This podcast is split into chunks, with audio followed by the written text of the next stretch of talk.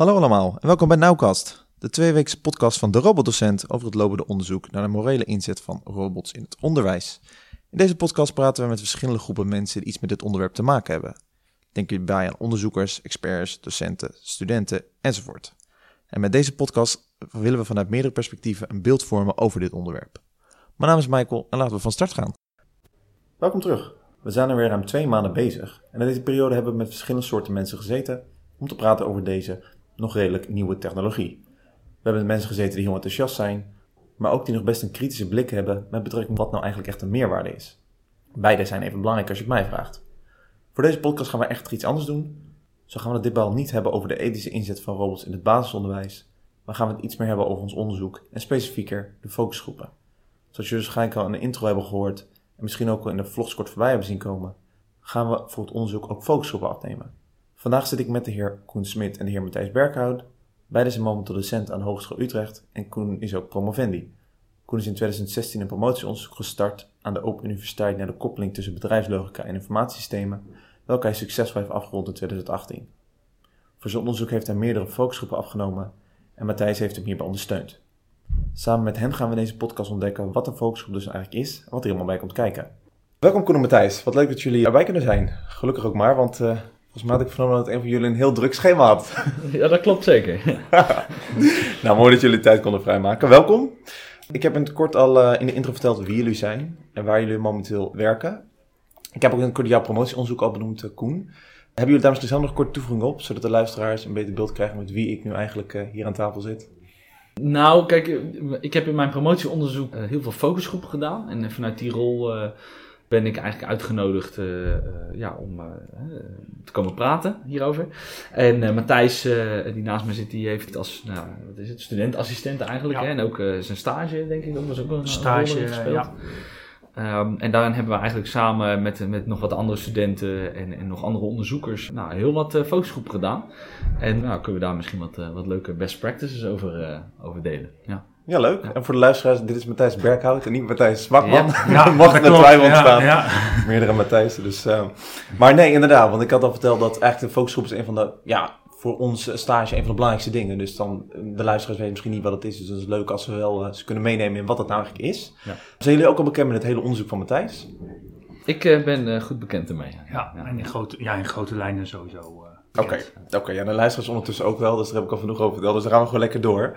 Normaal zouden we dus een stuk dieper ingaan op het onderzoek zelf. Maar ja, echter wat ik al zei, we gaan het iets anders doen. Dus we gaan het hebben over focusgroepen. Uh, jullie hebben dus beide ervaringen met focusgroepen en beide ook gehouden, klopt dat? Ja. ja. Oké, okay, nou dat is perfect.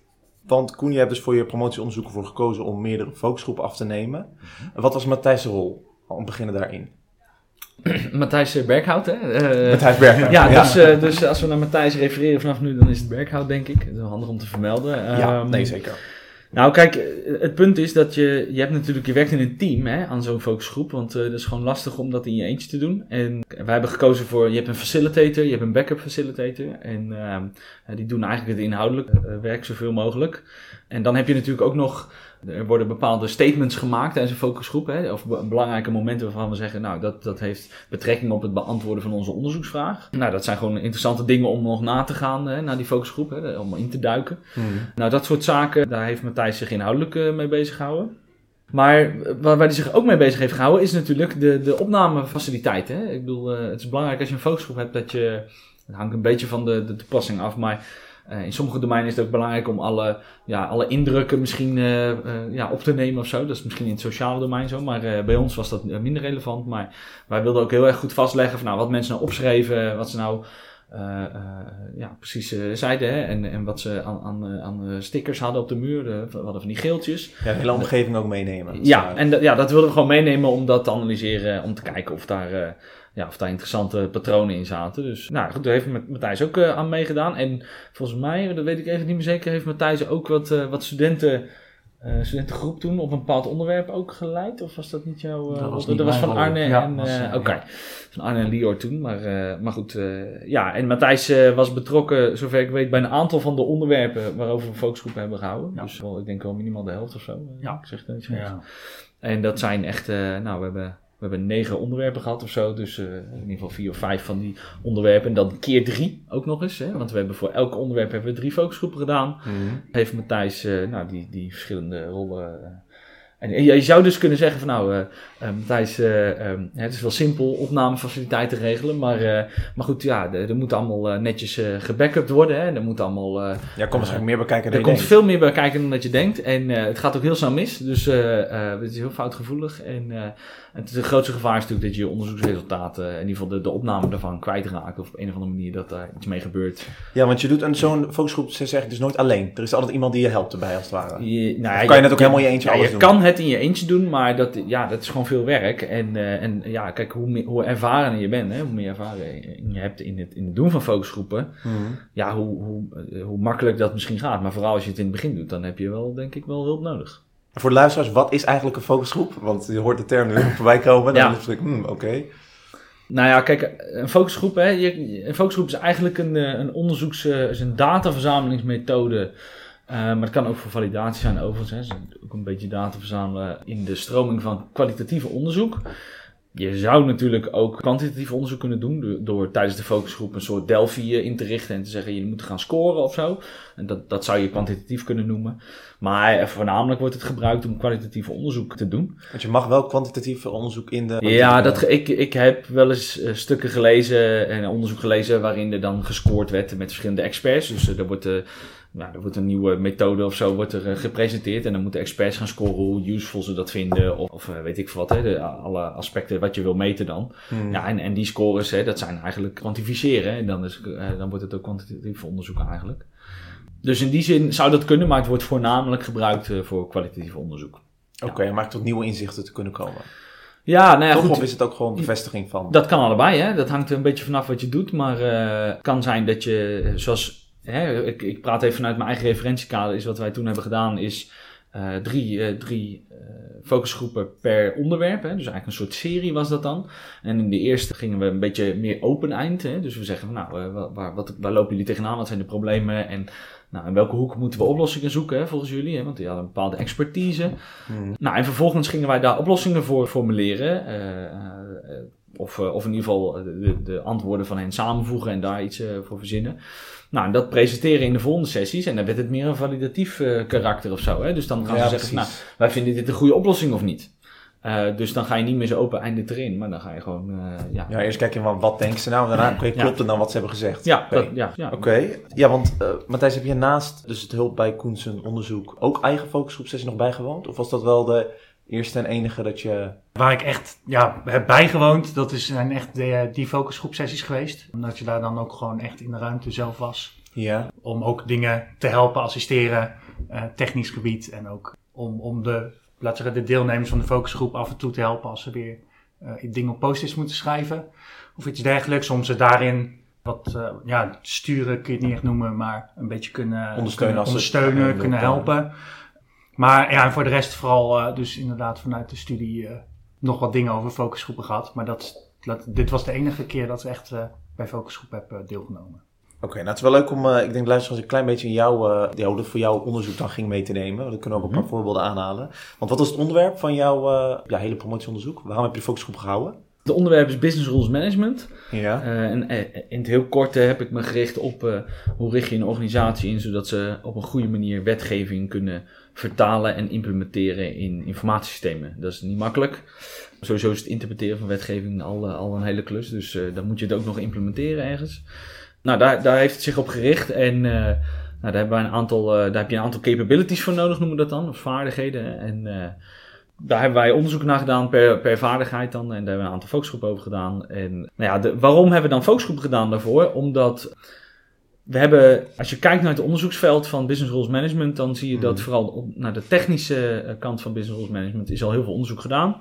Er zit heel veel ervaring in het uh, beroepenveld ook. Er zijn heel veel producten voor gemaakt, maar eh, toch falen er heel veel van dat soort eh, initiatieven ook in de praktijk. En, eh, en dat komt eh, voornamelijk door, eh, door het gebrek aan eh, nou ja, eh, kennis over hoe je dat nou goed kan inrichten. Dus eh, wat voor mensen heb je eigenlijk nodig? En eh, eh, ja, bijvoorbeeld als je, als je, eh, je kan natuurlijk een tool maken om, eh, om regels te schrijven en te testen eh, op een technische manier.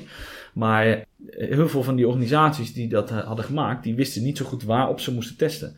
Dus een van mijn onderzoeksgebieden binnen mijn promotieonderzoek was dus ook van, nou, hoe zorg je ervoor dat de regels die je opstelt, dat, je, dat die ook echt goed zijn, hè? Dat, de, dat er geen fouten in zitten en dat ze voldoen aan wet en regelgeving. En nou goed, dat soort zaken, dat hebben wij eigenlijk in die focusgroepen bijvoorbeeld uh, behandeld.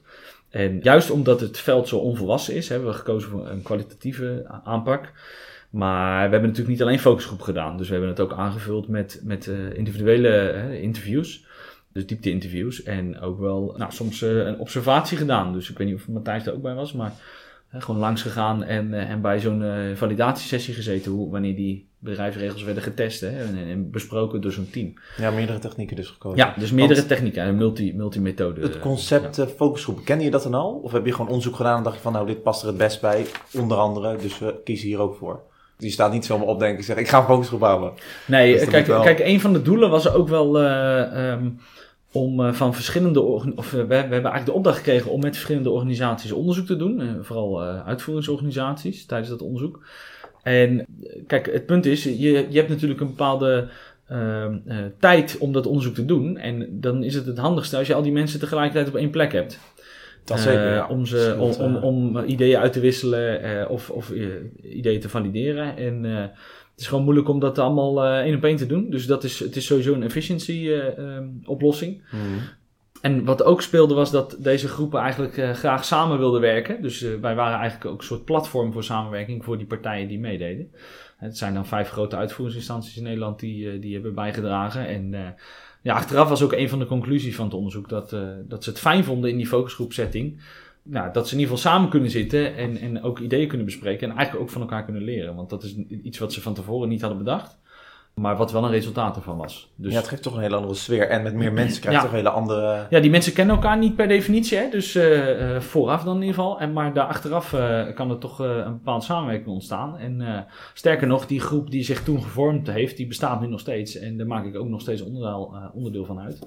En die mensen werken nog steeds samen op dat, over datzelfde onderwerp eigenlijk. En we doen nog steeds samen onderzoek. Dus ja, dat heeft het wel ja, een soort van opgeleverd ook. Dus dat Ja. is een mooi resultaat, denk ik. Oké, dus we weten wat de focusgroep is. En waarom je voor focusgroep hebt gekozen. hè? Hoe ging dat vervolgens in zijn werking? Dus als eerste, hoe, ehm, ja, hoe hebben jullie voor de mensen gekozen en heb je ze benaderd? Heb je gewoon gezegd, heb je een Google search gedaan? Of heb je, waar heb je dat op eh, gebaseerd? Nee, geen, eh, geen Google search. Dat is sowieso een beetje lastig bij een onderzoeksveld wat eh, heel onvolwassen is. Dan moet je ook maar net die mensen weten te vinden. Sowieso is selectie gewoon heel moeilijk zonder eh, de juiste contactpersoon. Hè? Want eh, eh, ja, je kan zoeken naar een robotica-expert of zo. Maar ja, die functienamen die hebben, die, die verschillen heel erg. Hè, iemand kan misschien technisch eh, expert zijn ergens. En bij anderen heet het robotica-expert. En die andere is het weer eh, robotmaker of zo. Ik, zeg, ik noem maar even wat, wat hele eh, simpele voorbeelden. Maar in ons geval was dat ook zo. Ehm, we hebben eigenlijk die organisaties gebruikt eh, en ook die, die afdeling om te vragen van, joh, wie heeft er gewoon verstand van dit onderwerp. Dus we vroegen eigenlijk naar de materie in plaats van dat we eh, heel erg eh, rechtlijnig op, op eh, functienamen of labels afgingen of zo. Hè? Dat, is- dat is wel... precies. Want je weet namelijk nooit of je compleet bent met de functielabels die je aanhoudt. Dus je kan wel zeggen, ik ga een LinkedIn search doen en ik zoek naar eh, ja, robotica expert of zo. Ja, maar ja, wie weet eh, dat, dat, dat er misschien hele goede mensen tussen zitten die je ook graag zou willen meenemen. En die echt een bijdrage kunnen leveren aan je focusgroep en aan je resultaten. Eh, dat je die mist omdat die een ander label voeren. Ik zeg maar iets. Dus dat is een beetje, heel- dat is best wel eh Ja, fout dat is gevaar met gevoelig. labels, het zegt niet alles natuurlijk. Nee, en, en iedereen kan daar natuurlijk zelf een eigen draai aan geven. Elk bedrijf doet het ook weer anders vaak. Hè? Dus ja, dat, dat is iets waar je, waar je op moet letten. En wat wij hebben gedaan is gewoon echt met die organisaties... en vooral met, met, ook met management, hè, hoger management... want je moet natuurlijk commitment hebben. eh, het kost al die mensen tijd. En, en wij hebben dat eh, over een periode van anderhalf jaar gedaan. Elke donderdag, zo uit mijn hoofd. Elke donderdagmiddag drie uur. Of drieënhalf uur zelfs. Wel een lange sessie, want meestal zie je dat gemiddeld een uur, anderhalf is. Ja, als er veel gepraat wordt, dan snap ik wel Ja, er werd veel gepraat en er moest ook veel behandeld worden. Ja, en iedereen moet ook gewoon de tijd hebben om, eh, om ideeën en ook de, de practices die ze, die ze in die organisatie gebruiken. Hè? Want dat, dat kan je natuurlijk uitvragen. In ons geval gebeurde dat dus ook. Van joh, hoe, hoe pakken jullie dit aan? Hebben we, hebben we letterlijk gevraagd. En er wordt gewoon gevraagd van nou, elke organisatie, dus elke vertegenwoordiger van elke organisatie, mag dat even uitleggen. Ja. Ja, dat ga je niet redden in een uur. Want sommige mensen zijn heel langdradig of Ja. heel dominant. Of, eh, hè, dus eh, eh, er ontstaan discussies. En die discussies kunnen juist heel interessant zijn voor je onderzoek. Dus vandaar dat wij echt wel die tijd nodig hadden. Oké, en hoe zag dan de aanvang van zo'n dag eruit? Want Thijs, was jij er aan het begin ook al bij? Of kwam jij pas later omdat je de... Ja. Oké, want jij was juist misschien wel eerder omdat je alles moest klaarzetten? Of is dat... Ja, nou ja, dat was inderdaad de, de ochtend. Eh, We hadden dus elke donderdagmiddag, dus nou, bijna een jaar lang, elke donderdagmiddag een focusgroep. En ehm, dan 's ochtends begon het al om gewoon de ruimte klaarmaken. Zorg dat eh, het allemaal netjes stond, dat eh, de, de tafels en de stoelen gewoon op de juiste plek stonden. Dat er alle apparatuur klaar stond, dus technische apparatuur, de microfoons voor het opnemen van de personen die eh, Wat ze allemaal zeggen? ja, wat ze beelden. zeggen. Maar ook eh, video. Dus we hadden ook camera, eh, camera's in de ruimte staan. Op verschillende plekken. We hadden drie camera's, volgens mij. Eentje vanaf die echt... Nou ja, twee in de hoeken. Maar eentje die ook echt vanaf het plafond op de tafel... Laat zeggen, het beeld liet zien. Zodat je ook als mensen dingen op papieren eh, schreven... dat dat gewoon in beeld was. En dat je dat proces ook, Ook al eh, meenemen. ook kon meenemen. Maar wat ik me afvraag, welke, hoe hebben jullie de kamers dan gekozen? Want ik zat erover na te denken, hoe hang je in één keer een microfoon aan een... Vanuit het midden? Dat is het mooie van een systeemplafond. Eh, Oké, ja, nee, dat, dat dan kun je wat wel. platen kun je eruit tikken en dan eh, hang je met zo'n... eh, Touwtje nou ja, dan- ja. Of een Gorilla Pot is dat. Dus eh, jullie zijn gewoon heel vindingrijk geweest. ja. Oké, ja. Zeker weten. Ja, ik weet niet. Soms kies je een, ja, een bepaalde plek omdat het al het staat klaar om op te. Ja. Maar anders dacht ik van om in één keer Ja. een microfoon minder naar tafel te krijgen. ja. is toch wel... ehm, Oké, en dat was dan het meest vindingrijke wat jullie moesten verzinnen. De rest was er wel? Of was dat... eh moesten de kamers veel aangepast worden?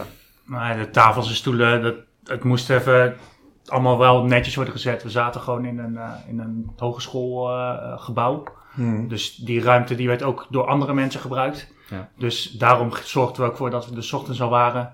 eh, die ruimte gewoon de hele dag gereserveerd hadden. En dat we daar rustig de tijd hadden om alles weer ook ongeveer hetzelfde neer te zetten. Dat je een beetje dezelfde omgeving creëert. eh. Ja, eigenlijk voor iedere groep weer dezelfde. Ja. Maar ik heb in ieder geval die... eh, Ja. Ja. ja. Oké, en kunnen jullie het kort een voorbeeld schetsen van hoe die sessie dan was? Dus mensen kwamen binnen en toen gingen ze meteen zitten en praten? Of heb je... Het hoeft niet heel uitgebreid hoor, maar een beetje... Nee, nou ja, kijk, kijk, wat je moet doen is die mensen natuurlijk wel eh, een soort eh, welkom gevoel geven. Hè? Eh, Want in het begin kennen ze je dus ook nog niet of zo. Ik bedoel, daar moet je rekening mee houden. Dus nou, ja, je, je, je moet het faciliteren. Dus een bakje koffie erbij of weet ik veel wat. dat deden wij dan ook gewoon standaard. En wat, wel, wat eigenlijk denk ik nog belangrijk is, is dat ze van tevoren weten waar- waarom ze daar zitten.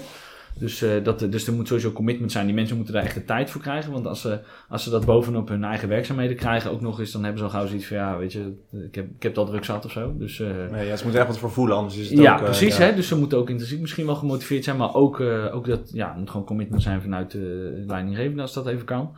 Eh, die dat bepaalt, misschien die inzet of zo.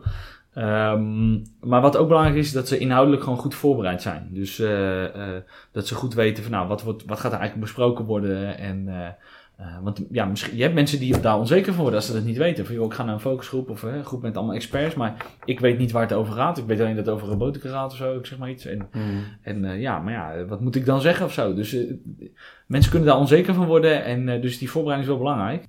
En ik heb van de week zelf nog een focusgroep gedaan, of het is de anderhalf week geleden. En eh, toen maakte ik eigenlijk diezelfde fout om... om ik had wel eh, documentatie vooraf ingestuurd, maar er was iets fout gegaan op die website. En die mensen waren dus niet goed ingelezen, waardoor eigenlijk...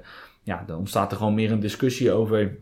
Hè, tijdens de, je aanvang en je, je start van je focusgroep, die, waarin je eigenlijk inhoud wil, wil eh, behandelen ontstaat er een discussie over hoe jij dat uitlegt, hè? Hoe, eh, wat, wat ze ervan vinden precies, of zo. eh? Ja, wat bedoel je daar? Dan krijg je van die Ah. definitie of semantische kwesties. Nou, daar, daar wil je natuurlijk helemaal vanaf zijn. En dat is ook waarom je eigenlijk documentatie vooraf stuurt. Dan hebben ze dat gewoon, nou, dat is het referentiekader voor, dat, voor die focusgroep. Eh, voor de discussie. En ehm, ja, daar houden we ons ook gewoon aan. Hè? En, en uiteraard zijn er wel eh, ideeën van buitenaf welkom of zo. Maar goed, ja, je moet, het belangrijk is ook modereren. Dus tijdens die focusgroep is het ook belangrijk dat je dat en iedereen aan het woord komt, hè, daar moet je op letten. Maar ook dat, eh, dat je de focus houdt op hetgeen wat besproken moet worden. Want het gevaar is dat mensen gaan afdwalen. ja. Ja, en, Ja. En, en dat kan wel eens gebeuren. En, ja, 100% gaat het bij jullie ook gebeuren. Maar dat moet je natuurlijk, je kan niet zeggen van hé, hey, weet je wel, back to, eh, to business of zo. Dat Nee, is je een het, beetje, ja, daar moet, je moet dat een beetje, ja, een beetje, een beetje eh, stroomlijnen. En, eh, ja, en dat moet je op een, op, een, op een leuke manier doen. Dat die mensen zoiets hebben van, oh ja, inderdaad, daar waren we mee bezig. En eh, die moeten zich wel eh, comfortabel voelen erbij. Oké, wat zijn nou bijvoorbeeld dingen waar jullie dan echt tegenaan gelopen zijn tijdens de sessie? Misschien even de eerste keren. of, eh, Nou ja, wat ik Dat al zei. allemaal wel mee. eh, Ja, de documentatie was een van de... Voorbereiding is een dingetje. Dus één, dat je, dat je, dat je er vanuit je, jullie eigenlijk eh, goed voor moet zorgen. En dat het ook begrijpelijk is voor iedereen. Maar ook dat, dat je op een of andere manier borgt dat, eh, dat ze ook echt voorbereid zijn. Want kijk, jij kan natuurlijk wel spullen sturen. Maar dat ze het lezen is het Maar als ze het lezen, als ze het niet lezen en ze komen eraan, dan hebben ze, heb je nog steeds niks gewonnen ermee. Hè? Het maakt het dus ook niet veel te extreem of weet ik veel wat. Want ja, mensen hebben daar gewoon geen tijd voor.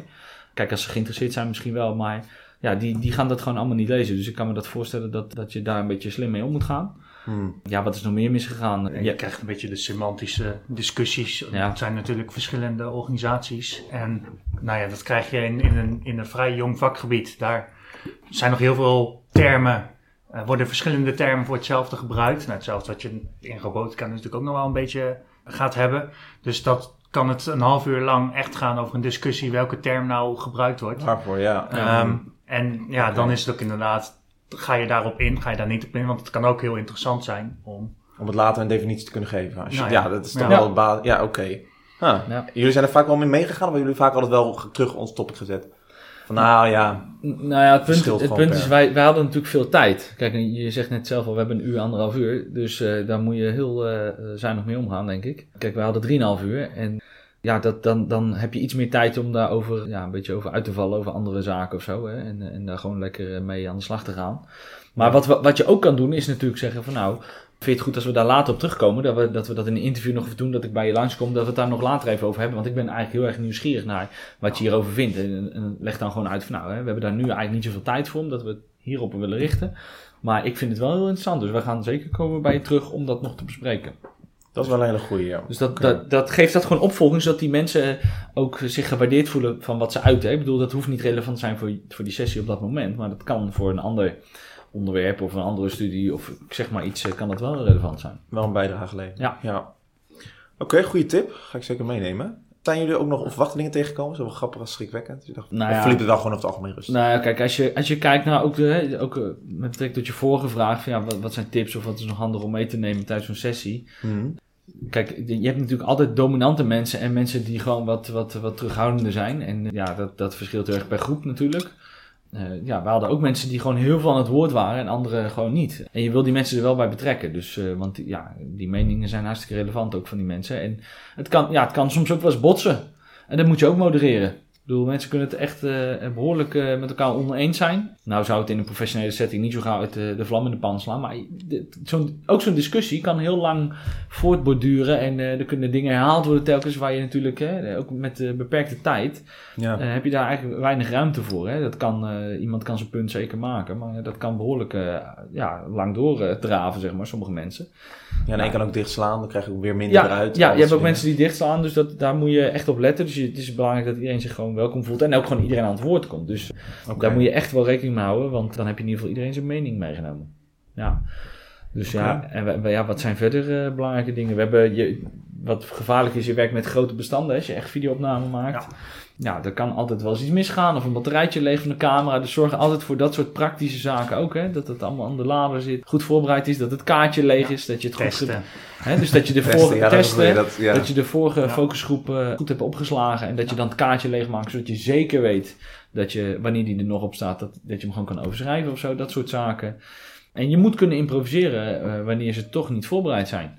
Nee. Dus eh, dan moet je wel eh, inhoudelijk ook in staat zijn om het ze uit te leggen. Want vergeet natuurlijk niet dat die mensen eh, zijn die experts, weten interviewen, wel- ja, die zijn experts. Dus je, eh, je- ja, je kan niet level 1 robotica aan ze gaan uitleggen terwijl Nee. zij level 3 robotica zijn. Hè? Nee, Dat- precies. da- Nee. want, want dat is ook het probleem. Want dan verlies je natuurlijk ook wel een beetje credibility als onderzoeker. Hè? Dan hebben ze zoiets van, ja, wat is dit voor een studentenprojectje of zo? Hè? Dat, misschien Ja. denken ze dat wel dan. Ja, de geloofwaardigheid gaat dan een stuk Juist, lager. en dat wil je niet. Dus je moet echt wel goed voor de dag komen en stevig in je schoenen staan. En nou, dat is ook de reden waarom je een facilitator kiest, hè, die, die gewoon eh, eh, ja, geschikt is om een focusgroep te leiden. En dat is ook letterlijk iets wat, als je kijkt naar mijn artikelen die ik voor mijn onderzoek heb geschreven, ook echt heel expliciet benoem. Van nou, die facilitator die, die op dat moment had hij zijn PhD of iemand die met zijn PhD bezig is, hè, zit goed in de materie. Deze eigenschappen heeft al zoveel jaar ervaring met het onderwerp, hè, om een beetje aan te geven dat dat wel handig was. die voldoende eh, kennis ja, heeft. ja, precies, om, om die focusgroepen te leiden. Ja. Oké, en als jullie terugkijken, is er iets wat je anders had gedaan? Of zeg van nou, over het algemeen, ik ben wel tevreden over het is gelopen, ik heb geleerd van het proces. En... Ja, nou ja, ik had wel wat dingen anders gedaan. Ik had sowieso uh, de opnames, hè, dus de, de, de registratie en de opnames en zo, dat had ik met de archivering had ik dat wat professioneler aangepakt. Want ik merkte nu dat toen ik dus, hè, ik heb, we hebben veel data verzameld met z'n allen. Maar uiteindelijk allemaal verschillende mapjes en andere namen en weet ik wat. En uiteindelijk gewoon heel veel tijd nodig gehad om dat allemaal te structureren. Zodat ik wist dat is die week, die serie. En dat is wel belangrijk. En dus zorg er gewoon voor dat je dat heel consistent doet. Uh, ik weet niet hoeveel jullie dat gaan doen, maar volgens mij wel een aantal, uh, toch? Ja, dus, dus, zorg ervoor dat je dat goed, uh, goed hebt. Nee, dat je het ook backupt, hè? Want je kan altijd een keer wat kwijtraken. Ja, en als je gewoon zo'n opname kwijt bent en je hebt gewoon nog niks opgeschreven of heel beperkt, ja, dan. Ja, dat is gewoon. Ja. Dat is gewoon. Dat is doodzonde. Dan heb je ja, eigenlijk niks. Dus ja, dus dat zou ik wel echt wel anders doen. Maar ja, inhoudelijk, kijk, omdat wij, omdat zij zelf ook niet zo heel veel wisten over het onderwerp toen de tijd en, en wij ook. En als ik ook kijk naar verdere focusgroepen die ik daarna nog heb gedaan, dan ja, dat is gewoon een open setting of zo. Hè? Je kan het zelf een beetje limiteren en stromen als je zegt van nou, ik heb wat topics of zo en wat vragen die ik wil behandelen. Maar ik denk dat het belangrijkste is, is gewoon modereren. En misschien hadden we toen de tijd ook iets meer kunnen modereren. Maar ik denk dat wel de dingen die eruit zijn gekomen, dat, ja, dat, dat, was wel waardevol. Dat is wel, ja, dat was heel waardevol en dat wordt nog steeds gebruikt. Sterker nog, die uitkomsten presenteer ik volgende week ook weer een conferentie die daaruit zijn gekomen met het project. Een van de uitkomsten daarvan. Dus ja, je moet er gewoon heel, heel strak op zitten en echt, echt een moderator zijn. Ja. En echt heel kritisch ook doorvragen. Dus niet akkoord gaan met zeggen van ja, we hebben vijf stadia en hier houden we rekening mee met de ethiek. Echt vragen, nou, wat, wat zijn dan, wanneer is het dan stadia 1, 2 of 3? En welke criteria horen daarbij? En wie heeft dat bepaald? En heb je een bron van mij? Heb je een document voor mij waar het in staat? Want je wil al die gegevens hebben natuurlijk. Dus hmm. vraag ook vooral naar, eh, als mensen refereren naar bepaalde documentatie of, of bepaalde achtergrondkennis. Vraag gewoon hoe je daarbij kan. Hè? Want als onderzoeker heb je vaak natuurlijk het, eh, de gunfactor dat je iets aan het onderzoeken bent. En dat je daar toegang tot hebt. Want ja, soms uh, willen mensen of bedrijven zeg maar, die geheimen niet blootgeven. Waarop ze producten of diensten bijvoorbeeld ontwikkelen. Hè, dat kan ook met robotica natuurlijk zo zijn. Maar goed, de, vraag echt goed door. Want, want je hebt vaak wel die gunfactor om die documenten te krijgen. En die documenten zijn heel erg belangrijk om later verder te analyseren. Hè. Die ondersteunen ook weer het verhaal wat verteld is in die focusgroepen. Ja, je maakt waarschijnlijk ook duidelijker wat ze bedoelen. Ja, dat heel weer ja. Oké, en zien jullie het nut in van een focusgroep? Zowel positief of negatief. Hebben jullie een mening te zeggen? Het is veranderd van hoe ik erin stapte. Dus je had er eerst een beeld bij een focusgroep, de eerste keer natuurlijk. Nu heb je het gehouden. Zeg je van, nou ja, het is wel echt, het is wat ik had verwacht. Of het is eigenlijk wel minder of meer. Het is voor mij wel positiever veranderd. Ik had in het begin, zeker als je vooral leest over focusgroepen, heb je het idee, nou, het is eigenlijk gewoon een interview, maar dan met meer mensen tegelijk. Ja, want dat is, als je het niet hebt gehouden, dan denk je, nou ja, je nou zit dus niet met één, zit je met vijf. Ja, ja, alleen als je dus uiteindelijk kijkt wat daaruit komt, je merkt gewoon dat je heel veel losse kennisbronnen hebt en dat allemaal prima met los interviewen zou kunnen, maar juist de dynamiek die ook meteen aan tafel ontstaat en de inzichten die zij daar eigenlijk ook direct door krijgen en daarop voortborduren, ja, is, is een soort katalysator en een, ja, een stuk diepgang voor echt wel weer nieuwe inzichten die gebeuren. Nou ja, je merkt het dus ook dat ze, de, de mensen in die focusgroep het zelf ook heel erg fijn vonden, want ze werken nog steeds samen. Ja, ja dus, het is uh, zeker lang aangehouden. Ja, Oké. Ja. Ah, leuk. Ja, jij denkt hetzelfde over Koen? Of heb jij misschien nog een andere uh, nog één keer vraag, nog heel even de vraag halen. Misschien is dat voor de, de luisteraar ook goed. En ik was even aan het denken over focusgroepen nog die ik ja. Dus uh, ik was even... Nee, voor je eerste focusgroep had je natuurlijk een beeld bij focusgroep. Je dacht, nou ja, dit is wat ik eruit ga halen. En dat kan zowel achteraf positief of negatief zijn uitgepakt. Of veel minder goed of juist nou, beter. Ja, kijk, het, het punt is dat een focusgroep is natuurlijk hartstikke ideaal als je zegt efficiëntie hebben we het net over gehad. En ik had daar ook wel inderdaad ook een, een idee bij van nou, uh, het is gewoon inderdaad een groot interview met meerdere mensen. Maar Kijk, het idee is dat je, het is positief in de zin dat je meerdere stakeholders op een snelle manier kan betrekken en ook die discussie in de diepgang krijgt. Maar het heeft natuurlijk ook wel negatieve kanten, want we hadden het net over dominante personen, maar het kan ook, hè, dat noemen we dan peer pressure zijn. Hè? Dus uh, mensen, daar hebben het ook al kort over gehad, die kunnen dichtslaan. Of gewoon in een soort openbare setting waar meerdere andere rollen bij zitten, gewoon iets niet willen vertellen of zo. Hè? Echt, echt uh, bewust iets achterhouden. Maar daar wil je wel achterkomen. Dus ja, je moet eh, je hebt face-to-face en non-face-to-face approaches. En, eh, en uh, je, kan, je zou natuurlijk kunnen zeggen van nou, je kan via de mail nog bepaalde vragen als je dat echt niet wil delen. Of ik zeg maar iets, wel dat één op één doen of zo, hè, op een, op een non-face-to-face manier. Of ja, na de sessie even. Of, ja, of na de sessie. Of, of gewoon inderdaad vragen van joh, uh, vind je het goed als we dan een los interview doen? Hè? Ik bedoel, dat kan complementair zijn aan, aan de focusgroep. Want misschien is iemand comfortabeler om het op die manier te delen. Het hangt er ook heel erg, heel erg van de context af. Hè? Wat voor gegevens het gaat of wat voor eh, setting eh, eh, ja, wordt besproken. En eh, ja, misschien is ethiek wat minder eh, ja, bedrijfsgeheimgevoelig of zo. Dat Ja. zou kunnen. Ja, sommige dingen komen dichter bij huis en anders Precies, staat weer precies. verder af en Dus- dan praat je er weer makkelijker over. Ja, maar het is, het is wel, je moet daar wel rekening mee houden. Ja, ja. Dus, eh, en, en geef ze ook gewoon die mogelijkheid. Want sommige mensen die, die dus eh, dichtklappen, die kunnen misschien daar wel. eh, dat is wel echt iets wat ik eh, ja, het mooie vind aan een focusgroep. Dat dat echt goed aansluit op andere methoden ook weer. En dat dat ja, gewoon elkaar aanvult. Ja. Oké, nee, wel goede informatie. Ik ben eigenlijk al bijna door mijn vragen heen. Hebben jullie toevallig zelf nog eigen toevoegingen of tips voordat ik straks zelf, naast die je al benoemd hebt, tips die je kan meenemen in de focusgroepsessie Nou ja, straks? de grootste dingen. Ik denk dat ook meteen een soort van samenvatting is wat Koen ook vooral heeft verteld. Is voorbereiding. Zorg Echt dat je alles voorbereid hebt. En dat je gewoon zeker bent dat alles klopt. En dat je dus inderdaad de mensen op orde hebt. Je apparatuur op orde hebt. De ruimte op orde hebt. Alle faciliteiten dus op orde hebt. Dat je je vragen klaar hebt liggen. Dat voor eventueel al wat backup dingetjes voor als je moet improviseren. Dus dat er wel post-its liggen, al heb je niet in eerste instantie het idee, dan ga ik iets mee doen. Maar dat ze er eventueel wel liggen van, oh, misschien is het toch handig om te gebruiken. Dus echt, nou ja, een soort van ja, voorbereiding. En- ja, sommige mensen zijn visueel ingesteld of zo. Ja. Hè? Dus die gaan dan helemaal los met een, eh, met een whiteboard of zo. Of met post-its. Ja, precies. Dus die kunnen hun ei niet kwijt met, met schrijven of zo. Hè? Dus die, die moeten dan iets opschrijven of weet ik veel wat. En, eh, maar die willen dan gewoon met posters met de lijntjes ertussen werken. Of eh, relaties of ik zeg maar iets. Dus dat is wel een goede inderdaad van Matthijs. Dat, eh, dat je misschien zoiets wil faciliteren ook. En misschien wat ook nog wel handig is om te weten. Want dat zit ook in voorbereiding. Dat, de, dat je heel, eigenlijk heel goed de mensen die bij je zitten aan tafel ook al pro- probeert goed te kennen. En dat bedoel ik niet op persoonlijk vlak, maar dat je goed bent voorbereid op wat de achtergrond van die mensen is. Dat je niet eigenlijk helemaal blanco eh erin stapt en denkt van nou, ze komen naar ons toe, dus het zit wel goed. Hè, maar dat je goed weet van nou, wat is de achtergrond. En, en dan kan je ook een beetje meedenken altijd het gesprek over vanuit ja, welke rol of achtergrond ze komen. Dat geeft je misschien iets meer... eh, ja, dat, dat die mensen ook, ook verrast zijn misschien. Dat ze denken, wow, die, hè, die zijn goed eh, voorbereid, hebben zich goed ingelezen. En dan, dat helpt wel heel erg in het gesprek, denk ik. Hè? In plaats van dat je zegt, eh, ja, waar werkt hij ook alweer? Bij de, ja, Ja, was nee. bij dat bedrijf, toch? Of zo. ja, dat zeker. En het kan dat ook inzicht geven in de antwoorden die ze geven. Als je weet Precies. vanuit welke plek ze komen, Juist, dan juist. kan je ook sommige dingen natuurlijk Daar waarschijnlijk kan je dan enigszins interpretatie aan geven, tot zover eh, mogelijk. Ja, dus dat, dat is denk ik ook wel een goede, goede tip, ja. ja. Nou, en wat ook nog een goede is, denk ik, dat wil ik toch nog even delen. Want wij hebben dus anderhalf jaar, of eh, iets langer dan een jaar, eh, hebben wij eh, in een gebouw gezeten waar het raam open stond. Hè, want dat was ook in de, in de zomer en ook in de winter. Dus nou, de temperatuur en dat soort dingen is ook wel fijn. Maar ook dat het gewoon een comfortabele zitplek is. Want ook anderhalf uur lang wil je gewoon goed kunnen zitten of zo. Hè. En wij zaten ook naast een treinrails. Zo'n sporen, sporen gebeuren. Vrij Bij de druk. Nijnoord 1. En dat was gewoon heel erg druk. Dus daar, daar kwam elke, nou, 10 seconden, 15 seconden, 20 seconden een eh, trein voorbij. En eh, de ene keer was het een goederentrein van, eh, van anderhalf kilometer. En de andere keer was het een NS-knaller die even voorbij kwam met flinke vaart. Dus nee, je kan je voorstellen, dat genereert heel veel lawaai. En Ja. het grappige was dat toen ik voor mijn promotieonderzoek die, eh, die tapes weer ging terugluisteren en eh, ging eh, coderen en alles hè, voor mijn onderzoeken, dat, dat ik daar wel ook wel last van, vond, last van had ondervonden. Want ja, dat komt elke keer door die opname heen.